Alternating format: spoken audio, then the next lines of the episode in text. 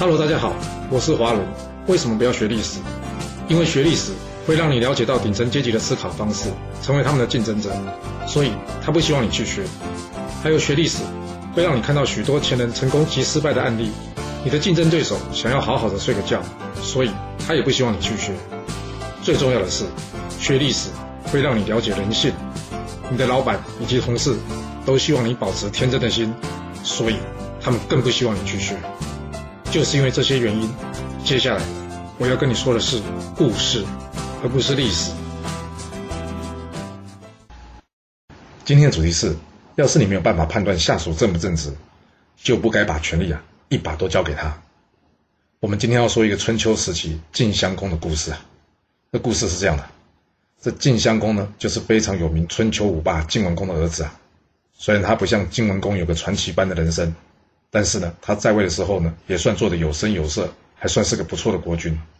他在自己快要病死之前呢，他把大臣们都叫过来了。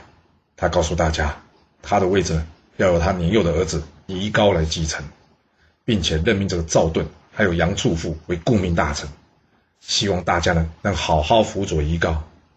但晋襄公万万没想到的是啊，就在他才刚刚断气啊，人都还没下葬的时候，这个赵盾呢。却认为夷高年纪太小，不适合担任国君，要改立其他人当国君啊！哇，这转变也太大了吧！这晋襄公才刚刚破格提拔这赵盾为中军元帅，让他独揽大权，这赵盾怎么马上就翻脸不认了呢？其实呢，这种事啊，就算是在现代啊，也屡见不鲜啊。老板希望自己下来之后呢，公司的执行长能够好好辅佐这些小儿子，但是执行长。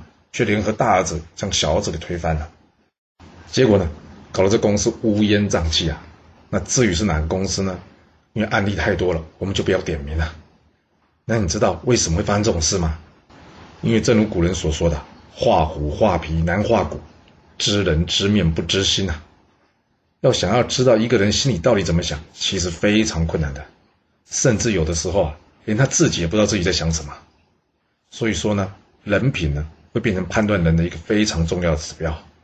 不过可惜的是啊，人品并不容易判断，但是能力呢却是非常容易看得到啊。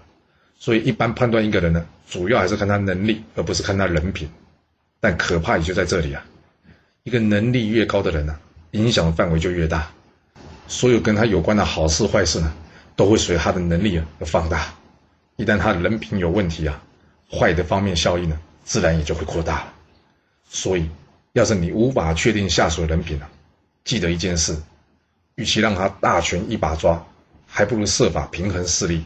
这样虽然不见得会大好，但却可以避免大坏啊。至于想要知道一个人的人品呢，其实还是有些简单的法则的。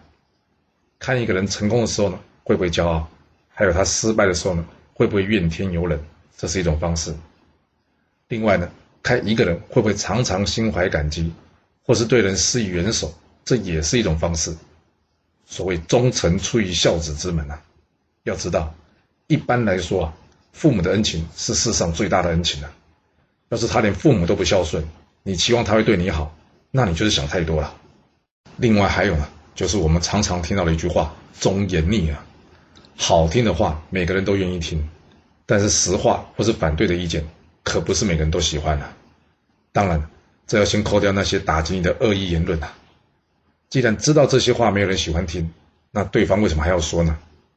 一个是他见识不足，看得不够深、不够透，就随便给人家建议；另外一个就是呢，他很关心你的成就，因为关心则乱，就不会想那么多，没有考虑说出来呢会不会让你不舒服。不管是出于哪一种，心理上总是对你好的。这些东西啊，他是不会自己跑到你面前的。你必须留心去观察，才能发现。套句我陈建俊朋友的一句话，我跟他说啊，你买一台车啊，你都要研究六个月了。那你想想看，你买房子，你觉得你要研究比较的时间需要多久？那再看看我们今天主题吧。当你决定要把你的事业大权交给下属的时候，你觉得这么重大的决定，你对这个人应该要研究观察多久啊？我想这个答案应该不是凭感觉就可以决定，你说是吧？若是你有其他的想法，也欢迎你留言分享你的看法给大家哦。好啦，我们今天先说到这。如果你就是不听我的劝，想知道完整版的故事内容，你可以从说明栏找到我爱故事频道的连结。不过记住哦，你是来听故事的，而不是来学历史的。